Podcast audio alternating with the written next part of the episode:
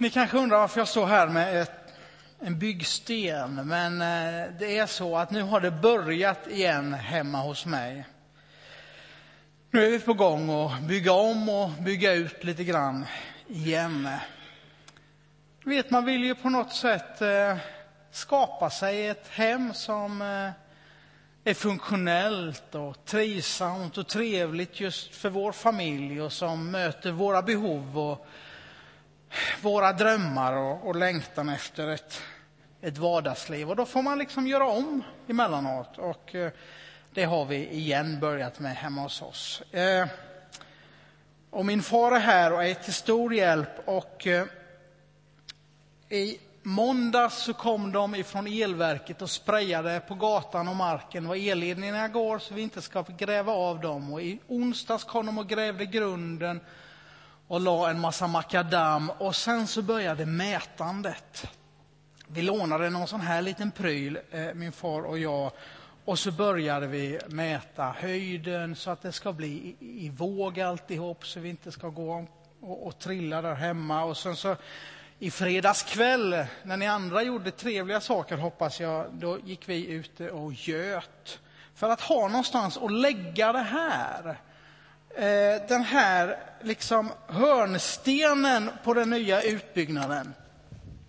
Och det är ju grymt viktigt var den hamnar någonstans. Så hela dagen igår när jag satt och läste och förberedde mig här så gick min far ute i trädgården och mätte och mätte och mätte. Han hade måttstockar och måttband och han använde Pythagoras sats och sen så har han nu mätt ut precis vad det här hörnstenen, grundstenen ska ligga så att allting liksom blir rakt och i våg så att när vi börjar liksom sätta upp det här huset att det blir på något sätt som vi vill ha det eller har tänkt det.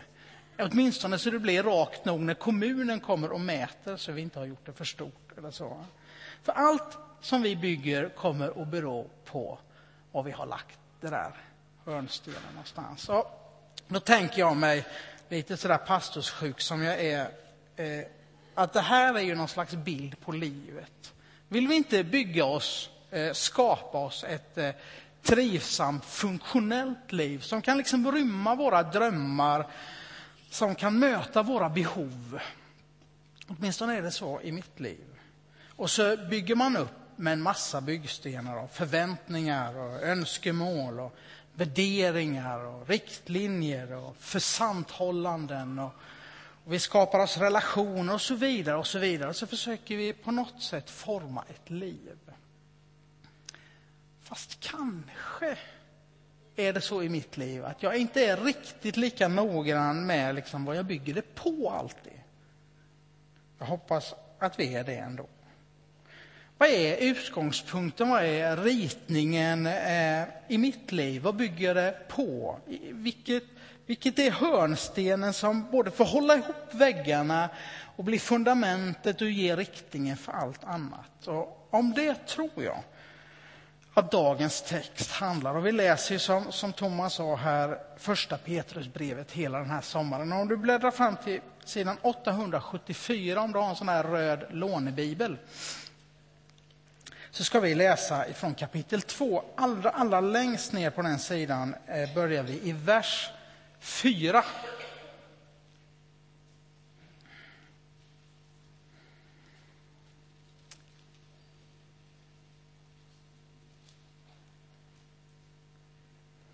Bra.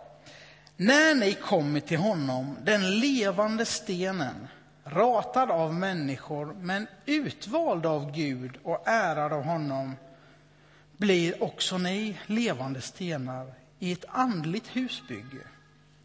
Ni blir ett heligt prästerskap som kan frambära andliga offer som Gud vill ta emot tack vare Jesus Kristus.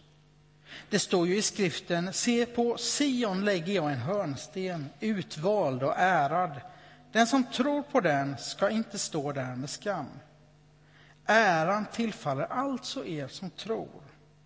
Men för dem som inte tror har stenen som husbyggarna ratade blivit en hörnsten, en sten som de snavar på, en klippa som de stöter emot. De stöter emot därför de inte lyder ordet så som det är förbestämt för den. Men ni är ett utvalt släkte, kungar och präster, ett heligt folk, Guds eget folk, som ska förkunna hans storverk. Han har kallat er från mörkret till sitt underbara ljus. Ni som inte var ett folk är nu Guds folk. Ni som förut inte fann barmhärtighet har nu funnit barmhärtighet. Här talar Petrus till de kristna i eh, nuvarande Turkiet, ungefär. Olika församlingar han skrivit brev till, men också till de kristna genom tiderna och till oss här idag som vill lyssna. Och han säger att alltså det finns redan en sån där hörnsten nedlagd och förberedd av Gud för alla människor som något gott att ta, ta mått på. För att alla människor som Gud har skapat ska kunna bygga ett gott liv har Gud förberett, lagt grunden, måttat ut och format en hörnsten. Noga. Och det är Jesus Kristus. Hans liv, hans död, hans uppståndelse, hans undervisning, hans uppmaningar till mänskligheten både i sin tid och nu senare så som vi läser om i evangelierna, är den hörnstenen som vi uppmuntras och uppmanas att bygga våra liv på. Och det förespås i Gamla testamentet. Och de nytestamentliga skrifterna efter evangelierna förklarar och, lägger ut vad det här har för innebörd. Eh, och den helige Ande hjälper oss idag att förstå vad det innebär. Så när Jesus går omkring och uppmanar människor till att, att eh, omvända sig och tro, så säger han, bygg ditt liv med mig som hörnsten, med mig som fundament, som riktgivare och som utgångspunkt. Det är vad Jesus säger. Och så kan man ju ha en massa olika förhållningssätt till den här hörnstenen, där den nu är lagd och placerad. Jag läste en helt vanlig sekulär roman och, eh, häromdagen och blev påminn om en berättelse som jag har hört innan och säkert ni också. Jag har hört den i lite olika eh, former, men den går något i stil med att en man är eh, på väg att drunkna. Säg i sin båt, ute på havet en vacker dag. Den springer läck och han får börja ösa. Och så ber han en bön till Gud. Gud hjälp mig. Och han känner att ja, men Gud han kommer att hjälpa mig. Och förbi kommer en seglarfamilj, kanske någon av Sarons alla seglarfamiljer och säger Hoppa i våran båt så boxerar vi in din båt och så kan du laga den och sen så hjälper vi dig. Och han säger nej, Gud har lovat att hjälpa mig. Så han tackar nej. Och en stund senare så kommer volontärerna ur Sjöräddningssällskapets eh, eh, förening eh, med sin båt, för de har sett att hans båt börjar luta väldigt betänkligt. Och så kommer de och säger, nu får du ge upp din båt och, och så ska vi köra dig tryggt i land. Och mannen fortsätter ösa och säger, nej, Gud han har lovat att rädda mig och hjälpa mig. Och till sist när det bara är förpiken som sticker upp och han står där och balanserar så kommer ju sjöräddningstjänstens helikopter och firar ner en stege och säger nu får du klättra upp för nu är det inte mycket kvar. Och mannen säger nej, Gud har lovat att hjälpa mig. Och så drunknar mannen och så kommer han inför Gud, mycket arg och besviken och säger, min Gud, du lovade att hjälpa mig. Varpå Gud svarar, ja visst, och jag sände först en seglarfamilj och sen Sjöräddningssällskapet och till sist en helikopter och du tackade nej. Så här kan vi förhålla oss också till Guds räddning idag, i våra liv. Eh, texten beskriver att det judiska etablissemanget hade det här förhållningssättet till Jesus Kristus. De kunde inte ta in att det var på detta sättet som Gud hade tänkt sig att rädda folket. Jag tror det handlar om lite av det som Thomas talar om, om ödmjukhet. Det här var en alldeles för liten räddning såg det ut som. Inte kunde väl Guds stora utvalde behöva lida och dö. Visst var det med ära och pompa och ståt och makt och vapenskrammel det skulle ske. Det gick inte in i deras ram på något sätt. De hade inte tänkt sig att det var på det sättet. Och därför tackade de nej och valde bort Guds räddning. Och likadant var det nog för grannarna till de som fick det här Petrusbrevet för första gången. De valde bort, de tackade nej, de sa att det där är ingenting för oss. Och det verkar, när vi läser brevet i helhet, som att de eh, hånade och utsatte de kristna för en hel del på grund av att de hade gjort valet att bygga sina liv på Jesus Kristus. Och kan det vara så fortfarande? Ja, visst är det väl så fortfarande, att människor väljer bort Jesus som grundsten för livet. Vi lever i ett samhälle som lär oss att alltid välja själva och ha oss själva som utgångspunkt. Individualism och egoism kan man väl kalla det i mångt och mycket. Och jag är drabbad lika mycket som ni av det. Och vi vill att våra förväntningar och våra egna önskningar på något sätt ska bestämma och vara normen för livet, då är det ju väldigt lätt hänt att en förutlagd sten inte riktigt passar in med vad jag har för förväntningar. Antingen ligger den lite för långt åt vänster och jag tänker mig att Nej, men inte kan jag ha en Gud som lägger sig i mitt privatliv. Inte kan jag ha en Gud som tycker någonting om min ekonomi, som tycker någonting om mina relationer, mina vanor, mitt sexliv, vad det än kan vara. Inte kan jag ha en sån Gud, jag väljer bort det. Eller så ligger det för långt åt höger och så tänker jag att inte kan jag väl ha en Gud som inte gör si och inte gör så. Inte kan jag väl ha en Gud som låter min bästa vän dö i cancer eller bli deprimerad eller eh, vad det nu kan vara. Inte kan väl jag. Och så stöter vi lätt på den där färdiglagda grundstenen. Som texten säger, vi snavar på den. Det är lätt hänt. Det går att förstå. Men ska man förstå glädjen av en grundsten, en hörnsten, så är det att den måste just finnas långt ner i grunden och ge riktning och stabilitet. Den är liksom inte till någon speciell glädje om jag ersätter fasadflaggan med den här där hemma, eller lägger den på köksbordet eller i hallen, då kommer jag snava på den. Den är faktiskt mest till glädje om den får ligga där den är tänkt att ligga och utgöra fundamentet i mitt liv. Och på samma sätt så kan inte Jesus vara någon slags fasadflagga eller utpyntad utpyntning på våra liv. Han gör liksom ingen glädje på det viset. Han måste vara fundamentet.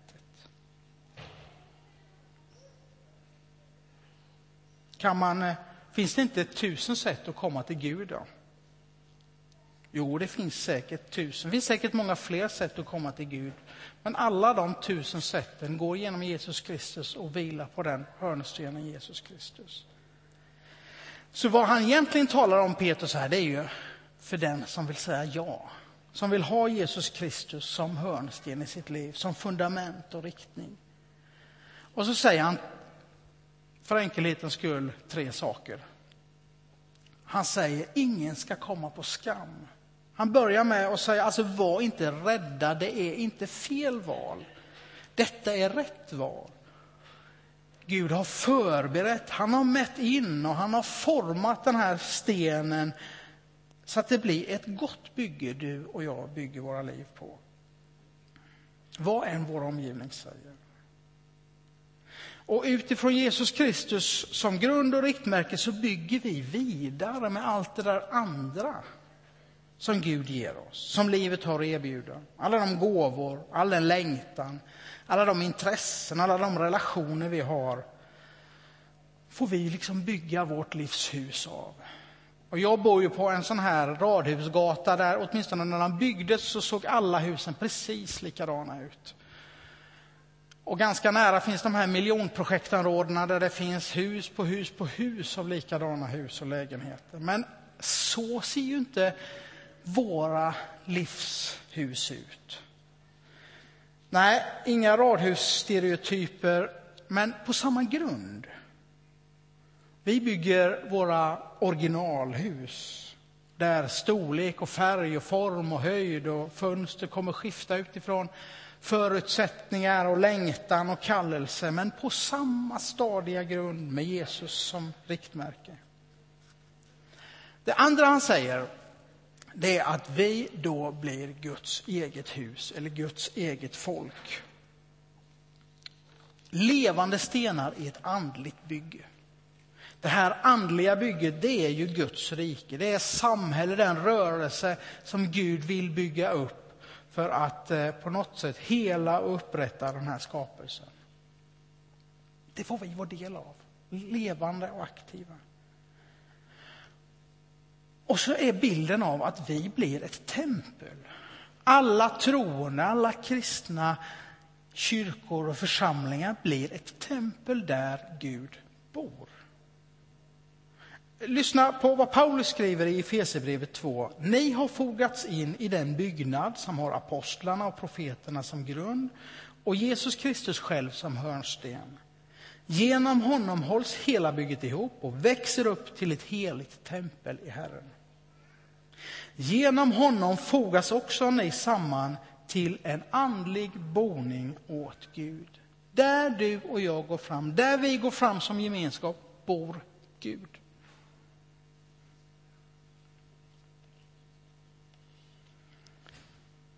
Och så är vi aktiva i en sann gemenskap. Vi som egentligen kanske inte har så mycket gemensamt och vi kanske som sitter här har mer gemensamt än om man ser till alla kristna över hela världen. Men vi är en familj. Vi är ett med varandra och med Gud. Och vi delar samma familj och är ett folk. Och det tredje han säger det är att vi är ett konungsligt prästerskap. Och det låter väldigt gammalmodigt tycker jag. Eh, men, men det finns ett par poänger i det. Och när han säger att vi är konungsliga så betyder det förstås att vi är högt skattade av Gud. Vi är en speciell börd, inte för att vi är födda på något speciellt sätt, inte för att vi har, beter oss på något speciellt sätt eller bor i ett slott eller har samlat på något, utan för att Gud har gjort oss till det när vi kommer till honom. Det är hans syn på oss genom Jesus Kristus. Avskilda för Gud och heliggjorda av honom. Det pratade vi lite om förra söndagen.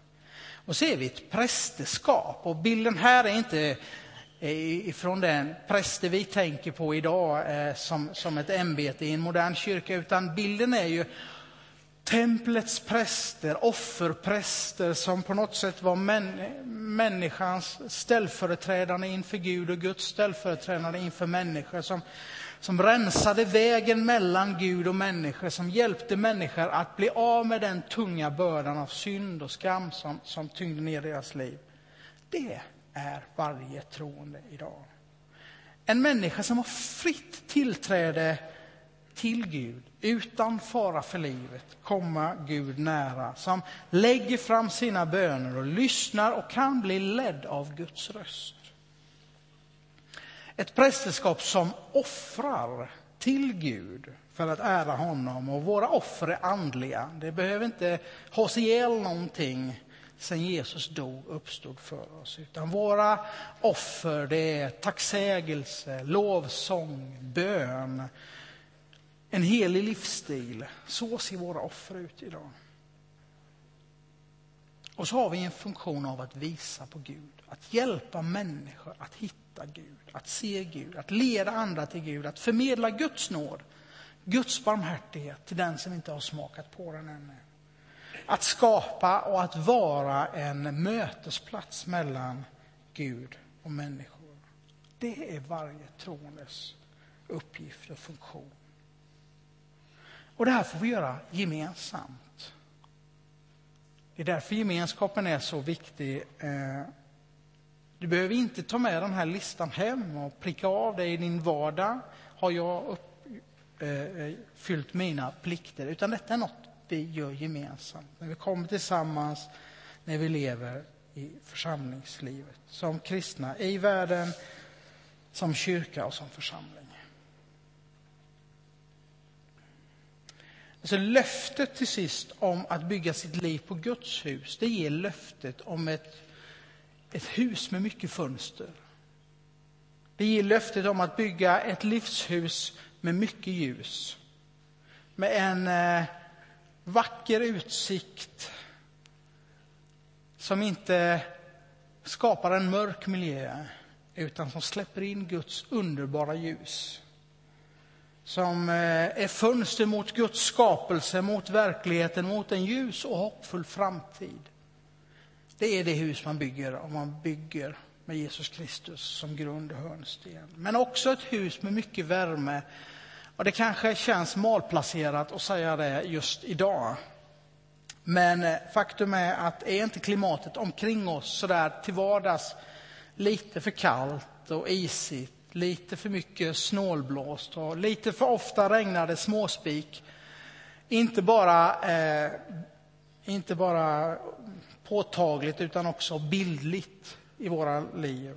Och när vi bygger vårt liv på Jesus Kristus så blir det ett varmt hus fullt av kärlek och nåd, barmhärtighet och gemenskap. Så jag frågar mig själv, bygger jag mitt liv på? Vad låter jag vara där under? Vad är fundamentet, klangbotten i mitt liv? Det kan ju vara tusen ismer. Eller hur? Men det kan ju också vara en levande person. En av Gud utsedd person som inte bara är Gud utan också har levt ett liv som människa. Döpt och fylld av den helige Ande.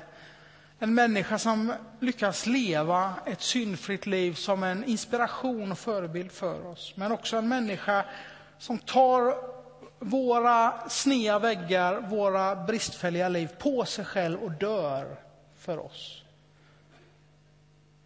En hörnsten som är så formad och så perfekt placerad att inte döden håller honom kvar utan att han uppstår. Och lever bland oss genom sin ande idag. Och verkar. Det skulle kunna få vara din och min hörnsten. Det är, det är erbjudandet idag. Att vi inte behöver bygga ett eget fundament i våra liv. Göra alla måtten själva och ta alla konsekvenser när det blir fel. Utan vi får bygga på den hörnstenen som Gud har lagt i Jesus Kristus. Amen. Låt oss be. Tack Jesus Kristus att vi får komma till dig. Att vi får ha dig som utgångspunkt för våra liv. Och hjälp oss att se det som, inte ett hot, utan eh, som vår frihet. Utan eh, hjälp oss att, att se att när vi bygger på dig så är det en garanti för liv. För evigt liv, för frihet, sann frihet, Herre. Och sann gemenskap. Ett gott liv, Herre. Tack att vi, vi finner eh, ljus, barmhärtighet i din gemenskap. I Jesu namn. Amen.